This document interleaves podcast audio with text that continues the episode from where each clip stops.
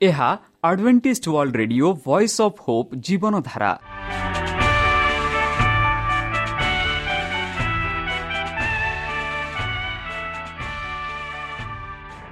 Odia radio କାର୍ଯ୍ୟକ୍ରମ ଯାହା ଆମର ଆନ୍ତର୍ଜାତୀୟ ଆଘାତ କେନ୍ଦ୍ରରୁ ପ୍ରସାରଣ କରାଯାଉଛି ପ୍ରତିଦିନ ରାତି ନଅଟା ତିରିଶ ମିନିଟ୍ରେ। ମୁଁ ସୁବ୍ରତ କୁମାର ପତି ପ୍ରେମର ସହ ଆପଣମାନଙ୍କୁ ଏହି କାର୍ଯ୍ୟକ୍ରମକୁ ସ୍ୱାଗତ କରୁଅଛି। ଚାଲନ୍ତୁ ଆଜିର ତିରିଶ ମିନିଟ୍ର କାର୍ଯ୍ୟକ୍ରମ ବିଷୟରେ ଜାଣିନେବା। ପ୍ରଥମେ ରଖିଛୁ ଆଧ୍ୟାତ୍ମିକ ଭକ୍ତିମୟ ଗୀତ। ଏହାପରେ ଶୁଣିବା ସ୍ୱାସ୍ଥ୍ୟ ବିଷୟରେ ଯାହା ଆମର ଦୈନିକ ଜୀବନରେ ଅତ୍ୟନ୍ତ ଜରୁରୀ। ଆଉ ପରିଶେଷରେ ଶୁଣିବା ପରମେଶ୍ୱରଙ୍କ ଭକ୍ତଙ୍କଠାରୁ ଜୀବନଦାୟକ ଈଶ୍ୱରଙ୍କ ବାକ୍ୟ। ପ୍ରିୟ ଶ୍ରୋତା ତାହେଲେ ଚାଲନ୍ତୁ ଶୁଣିବା ଏକ ଆଧ୍ୟାତ୍ମିକ ଭକ୍ତିମୟ ଗୀତ।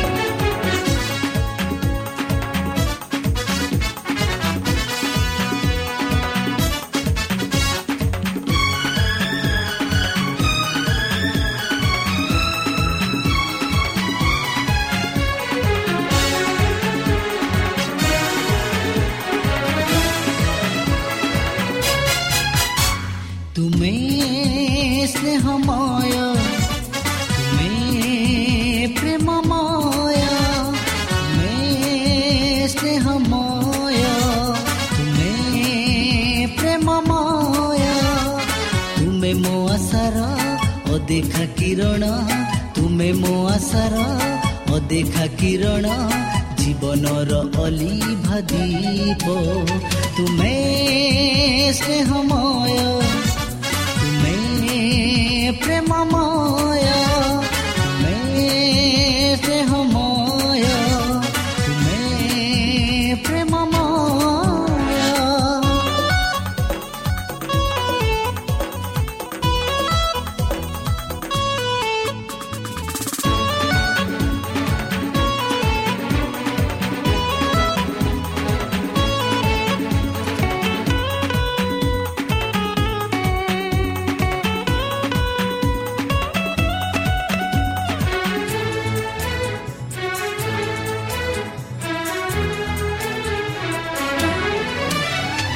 ଗଢ଼ିଥିଲ ତୁମେ ନିଜ ପରଶରେ ଭରିଦେଲ ତୁମେ ତୁମ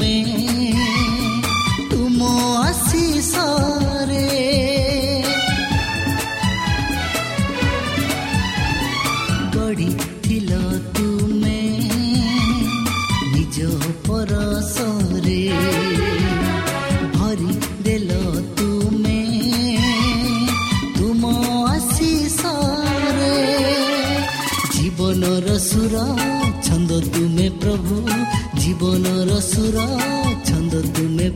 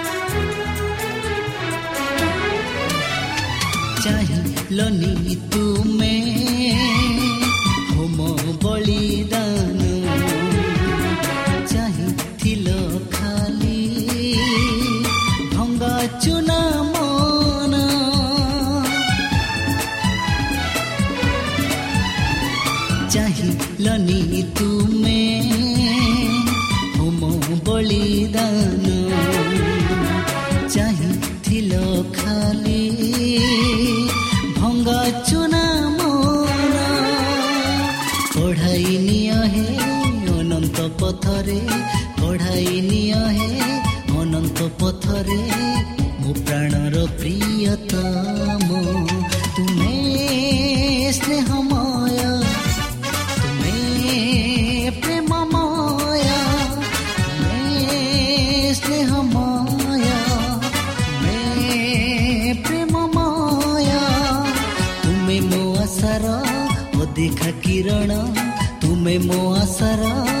ଅଦେଖା କିରଣ ଜୀବନର ଅଲି ଭଦୀପ ତୁମେ ସ୍ନେହମୟ ତୁମେ ପ୍ରେମମୟ ତୁମେ ସ୍ନେହମୟ ତୁମେ ପ୍ରେମମୟ ପ୍ରିୟ ଶ୍ରୋତା ଆମେ ଆଶା କରୁଛୁ ଯେ ଆମର କାର୍ଯ୍ୟକ୍ରମ ଆପଣମାନଙ୍କୁ ପସନ୍ଦ ଲାଗୁଥିବ ଆପଣଙ୍କର ମତାମତ ଜଣାଇବା ପାଇଁ ଆମର ଏହି ଠିକଣାରେ ଯୋଗାଯୋଗ କରନ୍ତୁ ଆମ ଠିକଣା advantage media centre SDA mission compound Salisbury park Pune ଚାରି ଏକ ଏକ ଶୂନ ତିନି ସାତ ମହାରାଷ୍ଟ୍ର ବା ଖୋଲନ୍ତୁ ଆମର ୱେବସାଇଟ୍ ଯେକୌଣସି android phone smartphone desktop laptop କିମ୍ବା ଟ୍ୟାବ୍ଲେଟ୍ ଆମର website W W W dot A W R dot O R G slash O R I ଏବଂ W W W dot advantage media centre India dot O R G ବର୍ତ୍ତମାନ ଚାଲନ୍ତୁ ଶୁଣିବା ଈଶ୍ୱରଙ୍କ ଭକ୍ତଙ୍କଠାରୁ ଈଶ୍ୱରଙ୍କ ଜୀବନଦାୟକ ବାକ୍ୟ। ନମସ୍କାର ପ୍ରିୟ ଶ୍ରୋତା। ସେହି ସର୍ବଶକ୍ତି ସର୍ବଜ୍ଞାନୀ ପ୍ରେମର ସାଗର ଦୟାମୟ ଅନ୍ତର୍ଜମୀ ଅନୁଗ୍ରହ ପରମ ପିତାଙ୍କ ମଧୁର ନାମରେ ମୁଁ ପାଷ୍ଟ ପୂର୍ଣ୍ଣଚନ୍ଦ୍ର ଆଉ ଥରେ ଆପଣମାନଙ୍କୁ ଏହି କାର୍ଯ୍ୟକ୍ରମରେ ସ୍ୱାଗତ କରୁଅଛି। ସେହି ସର୍ବଶକ୍ତି ପରମେଶ୍ୱର ଆପଣଙ୍କୁ ଆଶୀର୍ବାଦ କରନ୍ତୁ। ଆପଣଙ୍କୁ ସମସ୍ତ ପ୍ରକାର ଦୁଃଖ କଷ୍ଟ ବାଧା କ୍ଲେଶ ଓ ରୋଗରୁ ଦୂରେଇ ରଖନ୍ତୁ। ଶତ୍ରୁ ସୟତନ ହସ୍ତରୁ ସେ ଆପଣଙ୍କୁ ସୁରକ୍ଷାରେ ରଖନ୍ତୁ। ତାହାଙ୍କ ପ୍ରେମ ତାହାଙ୍କ ସ୍ନେହ ତାହାଙ୍କ କୃପା ତାହାଙ୍କ ଅନୁଗ୍ରହ ସଦାସର୍ବଦା ଆପଣଙ୍କଠାରେ ସହବର୍ତ୍ତୀ ରହୁ। ପ୍ରିୟ ଶ୍ରୋତା ଚାଲନ୍ତୁ। ଆଜି ଆମ୍ଭେମାନେ କିଛି ସମୟ ତାହାଙ୍କ ଜୀବନଦାୟକ ବାକ୍ୟ ଆଲୋଚନା କରିବା। ବନ୍ଧୁ ଆଜିର ଆଲୋଚନା ହେଉଛି ସୃଷ୍ଟିକର୍ତ୍ତା ଏବଂ ଆରୋଗ୍ୟକାରୀ। ବନ୍ଧୁ ଗତକାଲି ଆମେ ଆଲୋଚନା କରିଥିଲୁ ଭାଗ ଏକ। ସେହି ଭାଗ ଏକରେ ଆମେ ବିଶେଷ ଭାବରେ ଆଲୋଚନା କରିଥିଲୁ କିପରି ପରମେଶ୍ୱର ମଣିଷକୁ ଆପଣା ପ୍ରତିରୂପରେ ସୃଷ୍ଟି କଲେ ଆଉ ମଣିଷ କିପରି ତାହାଙ୍କ ପ୍ରତିମାକୁ ଉଲ୍ଲଙ୍ଘନ କଲେ ତାହାଙ୍କ ବାକ୍ୟକୁ କିପରି ଉଲ୍ଲଙ୍ଘନ କଲେ ଚାଲନ୍ତୁ ସେହି ବାକ୍ୟକୁ ଆମେ ଆଗକୁ ବଢ଼େଇବା। ବନ୍ଧୁ ଯେପରିକି ଆମେ ଜହନ ତାର ଏକ ଚଉଦରେ ଦେଖୁଅଛୁ ଏହି ଯେଉଁ ବାକ୍ୟରେ ମାଂସ ହେଲା ଏବଂ ଆମ ମଧ୍ୟରେ ବାସ କଲା ବୋଲି ଜହନ ଏକ ଚଉଦ। ଯୀଶୁଖ୍ରୀଷ୍ଟ ଯଦି ଆପଣ ଜହନ ପ୍ରଥମ ପର୍ବ ପଢ଼ିବେ ସେଠି ଯୀଶୁଖ୍ରୀଷ୍ଟ କିପରି ଆର ପ୍ରାରମ୍ଭରେ ଥିଲେ କି ରୂପରେ ପ୍ରାରମ୍ଭରେ ଥିଲେ ଆଉ ବର୍ତ୍ତମାନ କି ରୂପରେ ଆମମାନଙ୍କ ଠାରେ ବାସ କରୁଅଛନ୍ତି। ଗୋଟିଏ ପଦରେ ଯଦି ମାଥିଓ ଏକ ଏକୋଇଶ ଦେଖିବା ସେଠି ଆମେ ଗୋଟିଏ ପଦ ପାଉଛୁ। ସେହି ପଦ ହେଉଛି ଇମାନୁଏଲ। ଇମାନୁଏଲ ମାନେ ପରମେଶ୍ୱର ଆମମାନଙ୍କ ସହ। ସେହି ପରମେଶ୍ୱର ମାଂସ ହେଲା ଏବଂ ଆମମାନଙ୍କ ମଧ୍ୟରେ ବାସ କଲା ବୋଲି ଆମେ ଦେଖୁଅଛୁ। ବଣେ ବନ୍ଧୁ ଜଣେ ଛୋଟ ବାଲକ ନିଜ ପିତାଙ୍କ ଏବଂ ମାତାଙ୍କ ବ୍ୟତୀତ ନିଜ କୋଠରୀରେ ଶୋଇବାକୁ ଭୟ କଲା। ତାଙ୍କୁ ସାହସ ଏବଂ ଆରାମ ଦେବା ପାଇଁ ତାଙ୍କ ପିତାମାତା କିଣିଲେ। ତାଙ୍କୁ ସାଙ୍ଗରେ ରଖିବା ପାଇଁ ତାଙ୍କୁ ଏକ ଟିଭି ଟିଭି ବାଲୁ ସେମାନେ ବାଲୁର ନାମ ପ୍ୟଟିଗନ୍ ରଖିଲେ ଏବଂ ସେମାନଙ୍କୁ ପୁଅକୁ କହିଲେ ଯେ ପିଆଡ଼ି ପିଆଡ଼ିଙ୍ଗଟନ୍ ଏକ ବିଶେଷ ଭାଲୁ। ଏହି ଅନ୍ଧାରରେ ତାଙ୍କ ସହିତ ରହିବେ। ଗୋଟିଏ ରାତିରେ ବାଲକଟି ତ୍ୟାଗ ହେବାକୁ କିଛି ସମୟ ପରେ ଏକ ଭୟଭୀତ ସ୍ୱର ତାଙ୍କ ପିତାଙ୍କୁ ଡାକିଲା। ବାପା ତାଙ୍କୁ ତାଙ୍କ ପୁଅକୁ ମନେ ପକାଇଲେ। ଆଉ ଯେ ପିଆଡ଼ି ଗଟନ ତାଙ୍କୁ ସାଥି ରଖିବା ପାଇଁ ସେଠାରେ ଅଛନ୍ତି। ବନ୍ଧୁ ଯଦି ଆପଣ ଏଭ୍ରି ଦୁଇ ସତର ଅଠର ପଢ଼ିବେ ସେଠି ଆମେ ଦେଖୁଛୁ ଏହିପରି ଯେହେତୁ ଯୀଶୁ ଆମ ସହିତ ରହିବାକୁ ଆସିଥିଲେ ବନ୍ଧୁ ଯେପରି ସେହି ପିତା ସେହି ପୁଅ ପାଇଁ ସେହି ଭାଲୁ ଯେପରି ସେହି ଭାଲୁ ଦ୍ୱାରା ସେଇ ପୁଅଟା ବିନା ଭୟରେ ସେଇ କୋଠରୀରେ ଶୋଇପାରିବେ ଏହିପରି ପିତା ସେହି ପୁଅର ପାଇଁ ଯୋଜନା କରିଥିଲେ। ଆମେ ଯେପରି ଯୀଶୁଙ୍କ ସହିତ ରହିପାରିବୁ ସେଥିପାଇଁ ଯୀଶୁ ଖ୍ରୀଷ୍ଟ ଏହି ପୃଥିବୀକୁ ପୃଥିବୀକୁ ଆସିଲେ। ଯେହେତୁ ଯୀଶୁ ଆମ ସହିତ ରହିବାକୁ ଆସିଥିଲେ ବନ୍ଧୁ ଆମେ ଜାଣୁ ଯେ ଈଶ୍ୱର ଆମ ପରୀକ୍ଷଣ ସହିତ ପରିଚିତ ଏବଂ ଆମର ଦୁଃଖ ସହନାଭୂତି କରନ୍ତି। ଆଦମଙ୍କର ପ୍ରତ୍ୟେକ ପୁଅ ଏବଂ ଝିଅ ହୁଏତ ବୁଝିପାରନ୍ତି ଯେ ଆମର ସୃଷ୍ଟିକର୍ତ୍ତା ପାପୀମାନଙ୍କର ବନ୍ଧୁ। କାରଣ ଅନୁଗ୍ରହର ପ୍ରତ୍ୟେକ ତତ୍ଵ ଆନନ୍ଦର ପ୍ରତିଜ୍ଞା ପ୍ରେମର ପ୍ରତ୍ୟେକ କାର୍ଯ୍ୟ ପୃଥିବୀରେ ତ୍ରାଣକର୍ତ୍ତାଙ୍କ ଜୀବନରେ ଉପସ୍ଥିତ। ପ୍ରତ୍ୟେକ ଈଶ୍ୱରୀୟ ଆକର୍ଷଣ ଆମେ ଈଶ୍ୱରଙ୍କ ଆମ ସହିତ ଦେଖୁ। ବନ୍ଧୁ ଈଶ୍ୱର ଆମ ସହିତ ସଦାସର୍ବଦା ରହୁଅଛନ୍ତି ଏହା ଜାଣିବା କେତେ ସ୍ୱାନ୍ତନା ଯେ ଆମ ପାଖରେ ଈଶ୍ୱର ଅଛନ୍ତି ଯିଏ କେବଳ ଆମକୁ କିପରି ବଞ୍ଚିବାକୁ କହିନାହାନ୍ତି ବରଂ ଆମମାନଙ୍କ ମଧ୍ୟରୁ ଜଣେ ହୋଇ ଆମମାନଙ୍କୁ ଦେଖାଇ ପାରନ୍ତି।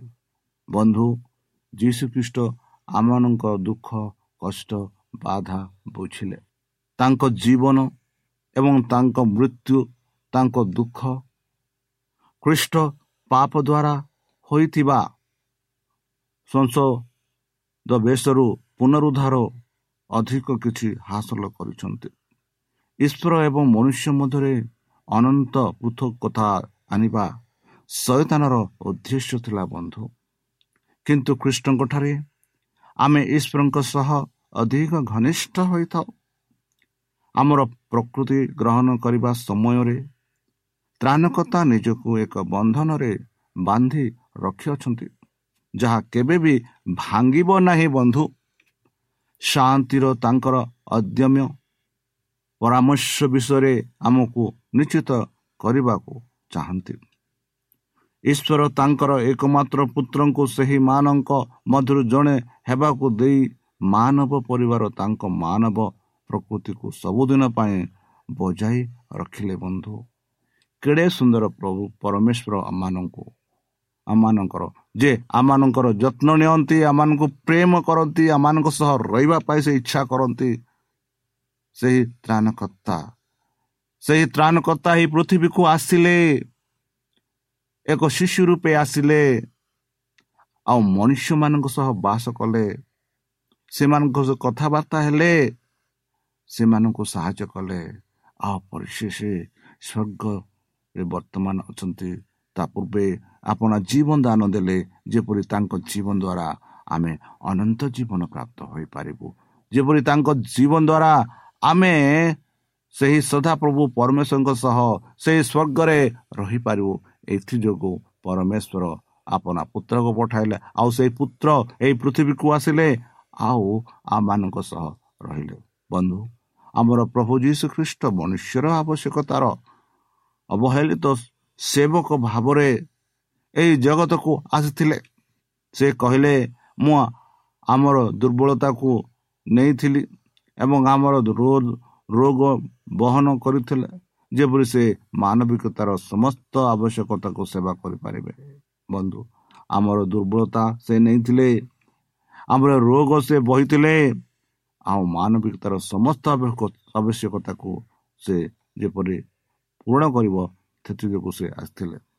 ବନ୍ଧୁ ରୋଗ ଓ ଦୁଃଖ କଷ୍ଟ ବାଧା ଏହିସବୁ ପୃଥିବୀରେ ଭରି ରହିଛି। ଆଉ ଏହିସବୁ ସେହି ପାପ ଦ୍ୱାରା ଆସିଅଛି। ଆଉ ଏହିସବୁ ସେ ପାପ ହଟାଇବାକୁ ଏହିସବୁ ସେ ହଟାଇବାକୁ ଆସିଥିଲେ। ମଣିଷମାନଙ୍କୁ ସମ୍ପୂର୍ଣ୍ଣ ପୁନରୁଦ୍ଧାର କରିବା ପାଇଁ ଯୀଶୁ ଖ୍ରୀଷ୍ଟ ଏହି ପୃଥିବୀକୁ ଆସିଥିଲେ। ମଣିଷକୁ ସମ୍ପୂର୍ଣ୍ଣ ରୂପେ ଆରୋଗ୍ୟ କରିବା ପାଇଁ ଯେଉଁ ପାପର ରୋଗ ମଣିଷଙ୍କ ଠାରେ ଅଛି ସେହି ପାପକୁ ସମ୍ପୂର୍ଣ୍ଣ ଆରୋଗ୍ୟ କରିବା ପାଇଁ ପରମେଶ୍ୱର ଯୀଶୁଖ୍ରୀଷ୍ଟ ଏହି ପୃଥିବୀକୁ ଆସିଲେ। ଯେପରିକି ଆମେ ସେହି ପାପରୁ ସୁସ୍ଥ ହୋଇ ଆମର ସମ୍ପର୍କ ତାଙ୍କଠାରେ ଏକ ଘନିଷ୍ଠ ରୂପେ ଗଠିତ ହୋଇପାରିବ ସେଥିପାଇଁ ଯୀଶୁଖ୍ରୀଷ୍ଟ ଏହି ପୃଥିବୀକୁ ଆସିଥିଲେ। ବନ୍ଧୁ ଆମେ ଏହି ପ୍ରଶ୍ନ ସହିତ ସେଇ ଯେଉଁ ପ୍ରଶ୍ନ ଖ୍ରୀଷ୍ଟ ସେବା କାହିଁକି ଆରୋଗ୍ୟ ଏବଂ ଶିକ୍ଷା ସହିତ ଜଡ଼ିତ ହେଲେ? ଯଦି ଆମେ ଏହି ପ୍ରଶ୍ନ କିଛି ଆଲୋଚନା କରିବା ବନ୍ଧୁ ଆମେ ଏହି ପ୍ରଶ୍ନ ସହିତ ସେହି ପ୍ରଶ୍ନକୁ ଅନୁସରଣ କରିବା କରିପାରିବା। ବିନା ବିମାନ ଡାହାଣ ଡେଣା କିମ୍ବା ବାମରେ କେଉଁଠି ଅଧିକ ଗୁରୁତ୍ୱପୂର୍ଣ୍ଣ କିମ୍ବା ଯାହା ଅଧିକ ଗୁରୁତ୍ୱପୂର୍ଣ୍ଣ ନିଶ୍ୱାସ ନେବା କିମ୍ବା ନିଶ୍ୱାସ ନ ନେବା।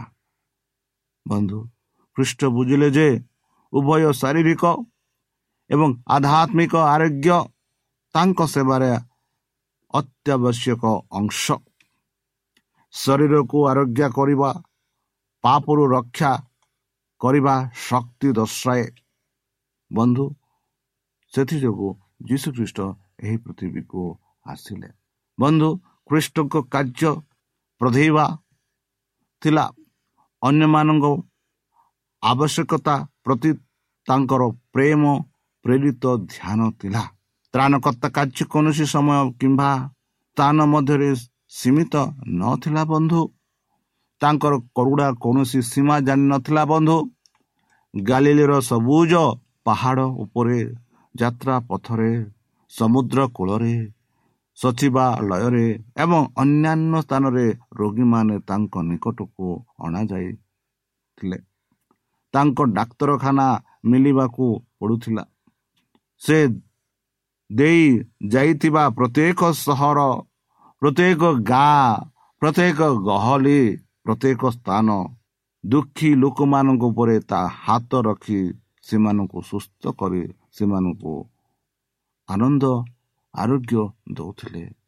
ସେମାନଙ୍କ ଜୀବନରେ ଆନନ୍ଦ ଆଣୁଥିଲେ ଖୁସି ଆଣୁଥିଲେ। ଯେବେ ଯୀଶୁଖ୍ରୀଷ୍ଟ ଆପଣା ହସ୍ତ ଦେଇ ସେମାନଙ୍କୁ ସୁସ୍ଥ କରୁଥିଲେ। ସେମାନଙ୍କୁ ଆନନ୍ଦ ଅନୁଭବ କରାଉଥିଲେ। ଖ୍ରୀଷ୍ଟ କେବଳ ସେହି ମହିମାକୁ ସୁସ୍ଥ କରିଛନ୍ତି ଯାହାକୁ ସେ ଜାଣନ୍ତି ଆଧ୍ୟାତ୍ମିକ ଭାବରେ ପ୍ରତିକ୍ରିୟା କରିବେ କିମ୍ବା ତାଙ୍କର ଆରୋଗ୍ୟ କାର୍ଯ୍ୟ ଅସନ୍ତୋଷପୂର୍ଣ୍ଣ ଦୟା ଅଟେ। ବନ୍ଧୁ କେବଳ ଖ୍ରୀଷ୍ଟ ପଦ୍ଧତି ଲୋକମାନଙ୍କ ନିକଟରେ ପହଞ୍ଚିବାରେ ପ୍ରକୃତ ସଫଳତା ହେବ। ତ୍ରାଣକର୍ତ୍ତା ସେମାନଙ୍କ ଭଲ କାମ କରିବାକୁ ଇଚ୍ଛା କରୁଥିବା ବ୍ୟକ୍ତିଙ୍କ ସହିତ ମିଶ୍ରିତ ହୋଇଥିଲେ।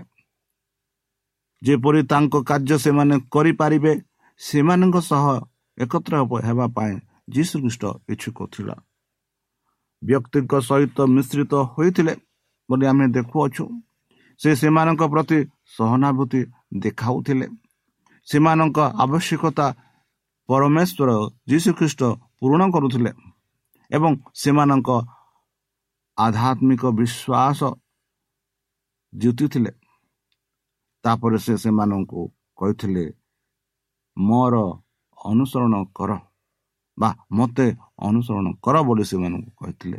ବନ୍ଧୁ ବ୍ୟକ୍ତିଗତ ଉଦ୍ୟମ ଦ୍ୱାରା ଲୋକଙ୍କ ନିକଟର ହେବାର ଆବଶ୍ୟକତା ଅଛି ବନ୍ଧୁ। ଗରିବ ଲୋକମାନଙ୍କୁ ଆରାମ ଦିଆଯାଉଥିଲା ବନ୍ଧୁ। ରୋଗୀମାନଙ୍କୁ ଯତ୍ନ ନିଆଯାଉଥିଲା ବନ୍ଧୁ। ଦୁଃଖୀ ଏବଂ ଶୋକ ସନ୍ତପ୍ତ ସ୍ୱାନ୍ତନା ଦିଆଯାଉଥିଲା ବନ୍ଧୁ। ଅଜ୍ଞାନମାନେ ନିର୍ଦ୍ଦେଶ ଦେଇଛନ୍ତି ଅଭିଜ୍ଞାମାନେ ପରାମର୍ଶ ଦେଉଛନ୍ତି ଯେଉଁମାନେ କାନ୍ଦୁଛନ୍ତି ସେମାନଙ୍କ ସହ ଆମେ କାନ୍ଦିବା। ଏବଂ ଯେଉଁମାନେ ଆନନ୍ଦ କରନ୍ତି ସେମାନଙ୍କ ସହିତ ଆନନ୍ଦ କର। ମନାଇବା ଶକ୍ତି ପ୍ରାର୍ଥନାର ଶକ୍ତି ଈଶ୍ୱରଙ୍କ ପ୍ରେମର ଶକ୍ତି ସହିତ ଏହି କାର୍ଯ୍ୟ ଫଳ ବିନା ହୋଇପାରିବ ନାହିଁ ବନ୍ଧୁ। ଆମେ କେବେ ବି ମନେ ରଖିବା ଉଚିତ ଯେ ଔଷଧ ମିଶନାରୀ ବା ମେଡ଼ିକାଲ ମିଶନାରୀ କାର୍ଯ୍ୟର ଉଦ୍ଦେଶ୍ୟ ହେଉଛି ପାପ ପୀଡ଼ିତ ପୁରୁଷ ଓ ମହିଳାମାନଙ୍କୁ ସେହି ପାପରୁ ଉଦ୍ଧାର କରିବା ଆଉ ଯୀଶୁଖ୍ରୀଷ୍ଟଙ୍କ ଆଗକୁ ବଢ଼ାଇ ନେବା। ବନ୍ଧୁ ଖ୍ରୀଷ୍ଟ କୃଷ୍ଣଙ୍କର ଉଦାହରଣ ଏବଂ ତାଙ୍କ କାର୍ଯ୍ୟ ଜାରି ରଖିବାକୁ ତାଙ୍କ ନିର୍ଦ୍ଦେଶର ଉତ୍ତରରେ ଯାହାକି ଆମେ ସେଭେନ୍ ଡେ ଆଡଭେଣ୍ଟିସ୍ ଚର୍ଚ୍ଚ ଏକ ଶତାବ୍ଦୀ ପୂର୍ବରୁ ଏକ ସଂଗଠିତ ସ୍ୱାସ୍ଥ୍ୟ କାର୍ଯ୍ୟ ଆରମ୍ଭ କରିଥିଲୁ ଯାହାକି ଆମ ବର୍ତ୍ତମାନ ସାରା ଭାରତରେ ଅଛି। ଆମ ଏହି ସ୍ୱାସ୍ଥ୍ୟ ସଂସ୍ଥା ଯାହା ଆମେ ଇଂରାଜୀରେ କହୁଛେ ହସ୍ପିଟାଲ ମିଶନାରୀ ମେଡ଼ିକାଲ ମିଶନାରିଜ ସେଇ ମେଡ଼ିକାଲ ମିଶନାରିଜ ମାନେ ବର୍ତ୍ତମାନ ଆମେ ଭାରତରେ ଆଉ ପୃଥିବୀରେ ବିଭିନ୍ନ ଜାଗାରେ ଆରମ୍ଭ କରିଛନ୍ତି ସେହି ଯୀଶୁଙ୍କ କାର୍ଯ୍ୟ ଯେ ଯୀଶୁ ଖ୍ରୀଷ୍ଟ ଆପଣ ହସ୍ତ ଦେଇ ସେମାନଙ୍କୁ ସୁସ୍ଥ କରୁଥିଲେ ସେହି କାର୍ଯ୍ୟକୁ ଆଗକୁ ବଢ଼ାଇବା ପାଇଁ ସେଭେନ୍ ଡେ ଆଡ଼ଭେଣ୍ଟେଷ୍ଟ ମଣ୍ଡଳୀ ଶତାବ୍ଦୀ ପୂର୍ବରୁ ଏକ ସଂଗଠିତ ସ୍ୱାସ୍ଥ୍ୟ କାର୍ଯ୍ୟ ଆରମ୍ଭ କରିଅଛି। ସେହି କାର୍ଯ୍ୟ ଆଜି ବିଶ୍ୱର ଅନେକ ଦେଶରେ ବିଦ୍ୟମାନ ହୋଇଅଛି ବନ୍ଧୁ। ଏବଂ ଶାରୀରିକ ଏବଂ ଆଧ୍ୟାତ୍ମିକ ଆରୋଗ୍ୟ ଆଣିବାରେ ସାହାଯ୍ୟ କରୁଅଛି। ଆମର ସୃଷ୍ଟିକର୍ତ୍ତା ଏକ ସମ୍ପୂର୍ଣ୍ଣ ଦୁନିଆ ପ୍ରସ୍ତୁତ କଲେ। ଯେଉଁଥିରେ ସେ ଶାରୀରିକ ଏବଂ ଆଧ୍ୟାତ୍ମିକ ସିଦ୍ଧ ମନୁଷ୍ୟମାନଙ୍କୁ ସ୍ଥାପନ କଲେ। ଏହି ଜୀବନ ଗୁଡ଼ିକ ପାପରେ ପଡ଼ିବା ପରେ ଠାରୁ ପରଠାରୁ ମନୁଷ୍ୟମାନେ ଶାରୀରିକ ଏବଂ ଆଧ୍ୟାତ୍ମିକ ଅସମ୍ପୂର୍ଣ୍ଣତା ଏବଂ ରୋଗରେ ପୀଡ଼ିତ ହୋଇଥିଲେ। କେବଳ ଖ୍ରୀଷ୍ଟଙ୍କ ମାଧ୍ୟମରେ ସେ ଈଶ୍ୱରଙ୍କ ପ୍ରତିମୂର୍ତ୍ତିକୁ ମାନବ ଜାତିର ପୁନଃସ୍ଥାପନ କରିପାରିବେ। ଆମର କାର୍ଯ୍ୟ ହେଉଛି ଈଶ୍ୱରଙ୍କୁ ପୁନରୁଦ୍ଧାର କାର୍ଯ୍ୟର ପୁନରୁଦ୍ଧାର କାର୍ଯ୍ୟର ସହଯୋଗ କରିବା। ବନ୍ଧୁ ସେହି ଖ୍ରୀଷ୍ଟ ଯେ କି ଏହି ପୃଥିବୀକୁ ଆସିଥିଲେ ବନ୍ଧୁ ସେହି କାର୍ଯ୍ୟ କରୁଥିଲେ ସେହି କାର୍ଯ୍ୟରେ ସେହି ସ୍ୱସ୍ଥ କାର୍ଯ୍ୟରେ ସେହି ଦିନହୀନ ଲୋକମାନଙ୍କୁ ସେହି ଅସୁସ୍ଥ ଲୋକମାନଙ୍କୁ ସେହି ସଦାପ୍ରଭୁ ପରମେଶ୍ୱରଙ୍କ ପ୍ରେମ ପ୍ରଦର୍ଶନ କରୁଥିଲେ। ସେହି ପ୍ରେମ ସେମାନେ ସେହି ଖ୍ରୀଷ୍ଟଙ୍କ ଠାରେ ପାଉଥିଲେ। ବନ୍ଧୁ ସେହି କାର୍ଯ୍ୟ ଆଜି ଆମ ଭାରତରେ ବି ଚାଲୁଅଛି ଯାହାକି ସେଭେନରେ ଆଡ଼ଭେଣ୍ଟେଜ ସଂସ୍ଥା ଆରମ୍ଭ କରିଅଛି ବନ୍ଧୁ ଯୀଶୁ ଖ୍ରୀଷ୍ଟ ଏହି ପୃଥିବୀକୁ ଆସିଲେ ଯେପରିକି ତାଙ୍କ ମୃତ୍ୟୁ ଦ୍ୱାରା ଆମେ ଜୀବନ ପ୍ରାପ୍ତ ହୋଇପାରିବା ଯୀଶୁ ଖ୍ରୀଷ୍ଟ ଏହି ପୃଥିବୀକୁ ଆସିଲେ ଆଉ ସେଇ ପାପର ପରିଣାମ ସେ ଜାଣିଥିଲେ ଆଉ ସେଇ ପାପର ପରିଣାମ ପୂର୍ଣ୍ଣ କରିବା ପାଇଁ ସେ ଆସିଥିଲେ। ବନ୍ଧୁ ଯଦି ଆମେ ଦେଖିବା ଆଦ୍ୟରେ ପରମେଶ୍ୱର ଯେବେ ଆଦମ ହବାକୁ ସୃଷ୍ଟି କରିଥିଲେ ଆମେ ଦେଖୁଅଛୁ ପ୍ରତ୍ୟେକ ସନ୍ଧ୍ୟାରେ ପରମେଶ୍ୱର ଆସନ୍ତି ତାଙ୍କ ପାଖକୁ ଆଦମ ହବା ପାଖକୁ ଆସନ୍ତି। ଆଉ ସେମାନଙ୍କୁ ଆଧ୍ୟାତ୍ମିକ ଖାଦ୍ୟ ଦିଅନ୍ତି। କିପରି ସୃଷ୍ଟି ହୋଇଥିଲା ଅନ୍ୟ ସ୍ୱର୍ଗର ବିଷୟ ସ୍ୱର୍ଗ ବିଷୟରେ ଅନ୍ୟ ପୃଥିବୀ ବିଷୟରେ ଆଦମ ହବାକୁ କହିଥାନ୍ତି। ଆଉ ତାଙ୍କ ପ୍ରେମ ବିଷୟରେ ସେ ପ୍ରଦର୍ଶନ କରୁଥିଲେ। ଆଉ ସେ ପ୍ରେମକୁ ଆଦମ ହବା ମାନେ ହବା ଉଭୟ ଅନୁଭବ କରିଥିଲେ ବନ୍ଧୁ। ହେଲେ ହିଁ ସେମାନେ ପ୍ରଭୁଙ୍କ ଆଜ୍ଞା ଉଲ୍ଲଂଘନ କଲେ। ଆଉ ସେଇ ଉଲ୍ଲଂଘନ ପାଇଁ ଯୀଶୁ ଖ୍ରୀଷ୍ଟ ଏହି ପୃଥିବୀକୁ ଆସିଲେ ଯେପରିକି ତାଙ୍କ ମୃତ୍ୟୁ ଦ୍ୱାରା ଆମେ ଜୀବନ ପ୍ରାପ୍ତ ହୋଇପାରିବା ତାହେଲେ ଚାଲନ୍ତୁ ନିଜକୁ ସମର୍ପଣ କରି ତାହାଙ୍କ ମଧୁର ନାମରେ ଆମେ ପ୍ରାର୍ଥନା ଅର୍ପଣ କରିବା। ହେ ଆମମାନଙ୍କ ସର୍ବଶକ୍ତି ସର୍ବଜ୍ଞାନୀ ପ୍ରେମର ସାଗର ଦୟାମୟ ଅନ୍ତର୍ଜମୀ ଅନୁଗ୍ରହ ପରମ ପିତା। ଧନ୍ୟବାଦ ଅର୍ପଣ କରୁଛୁ ପ୍ରଭୁ ବର୍ତ୍ତମାନ ଯେଉଁ ବାକ୍ୟ ତୁମ ଭକ୍ତମାନଙ୍କୁ ଶୁଣାଇଲେ ସେହି ବାକ୍ୟ ଅନୁସାରେ ଆମମାନଙ୍କୁ ଚାଲିବା ପାଇଁ ବୁଦ୍ଧିରେ ଜ୍ଞାନରେ ଶକ୍ତିରେ ପରିପୂର୍ଣ୍ଣ କର। ଆମ ପାପ ସବୁ ତୁମ ସେହି ବହୁମୂଲ୍ୟ ରକ୍ତରେ ପରିଷ୍କାର ରୂପେ ଧୋଇଦିଅ। ଆଉ ପରିଶେଷ ଯେବେ ତୁମେ ତୁମ ସେହି ମହିମାରେ ଆସିବେ ସେତେବେଳେ ଆମମାନଙ୍କୁ ସେହି ସ୍ୱର୍ଗରେ ସ୍ଥାନ ଦିଅ ବୋଲି ତ୍ରାଣକର୍ତ୍ତା ପ୍ରଭୁ ଯୀଶୁଙ୍କ ମଧ୍ୟମୟ ନାମରେ ଏହି ଛୋଟ ବିକ୍ଷମ ଅଛି ଶୁଣି ଗ୍ରହଣ କର। ଆମେନ୍।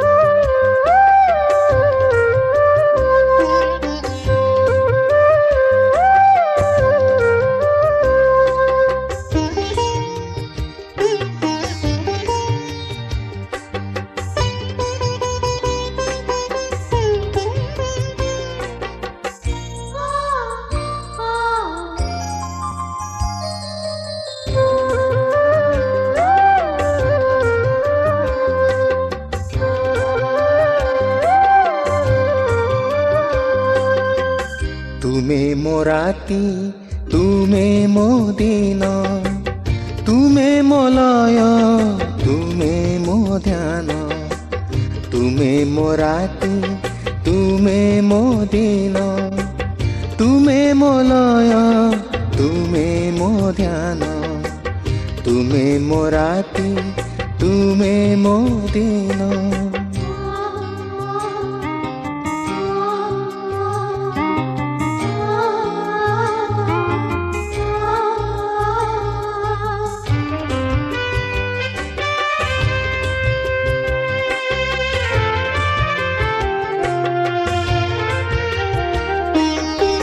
ତୁମେ ମୋ ଭାଷା ତୁମେ ମୋ ଜ୍ଞାନ ତୁମେ ମୋ ଆଶା ତୁମେ ମୋ ସ୍ୱପ୍ନ ତୁମେ ମୋ ଭାଷା ତୁମେ ମୋ ଜ୍ଞାନ ତୁମେ ମୋ ଆଶା ତୁମେ ମୋ ସ୍ୱପ୍ନ ତୁମେ ମୋ ରାତି ତୁମେ ମୋ ଦିନ ତୁମେ ମୋ ଲୟ ତୁମେ ମୋ ଧ୍ୟାନ ତୁମେ ମୋ ରାତି ତୁମେ ମୋ ଦିନ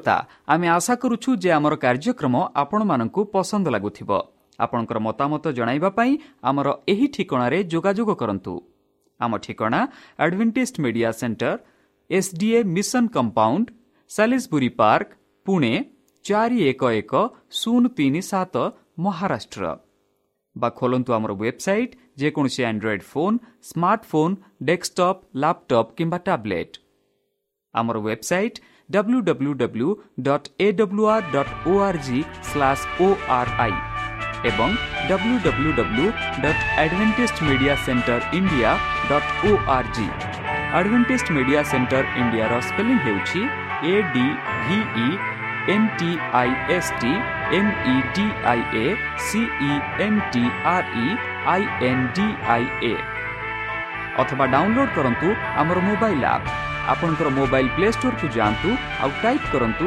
ଦ ଭଏସ୍ ଅଫ୍ ହୋପ୍ ଆଉ ଡାଉନଲୋଡ୍ କରନ୍ତୁ। ଈଶ୍ୱର ଆପଣଙ୍କୁ ଆଶୀର୍ବାଦ କରନ୍ତୁ। ଧନ୍ୟବାଦ।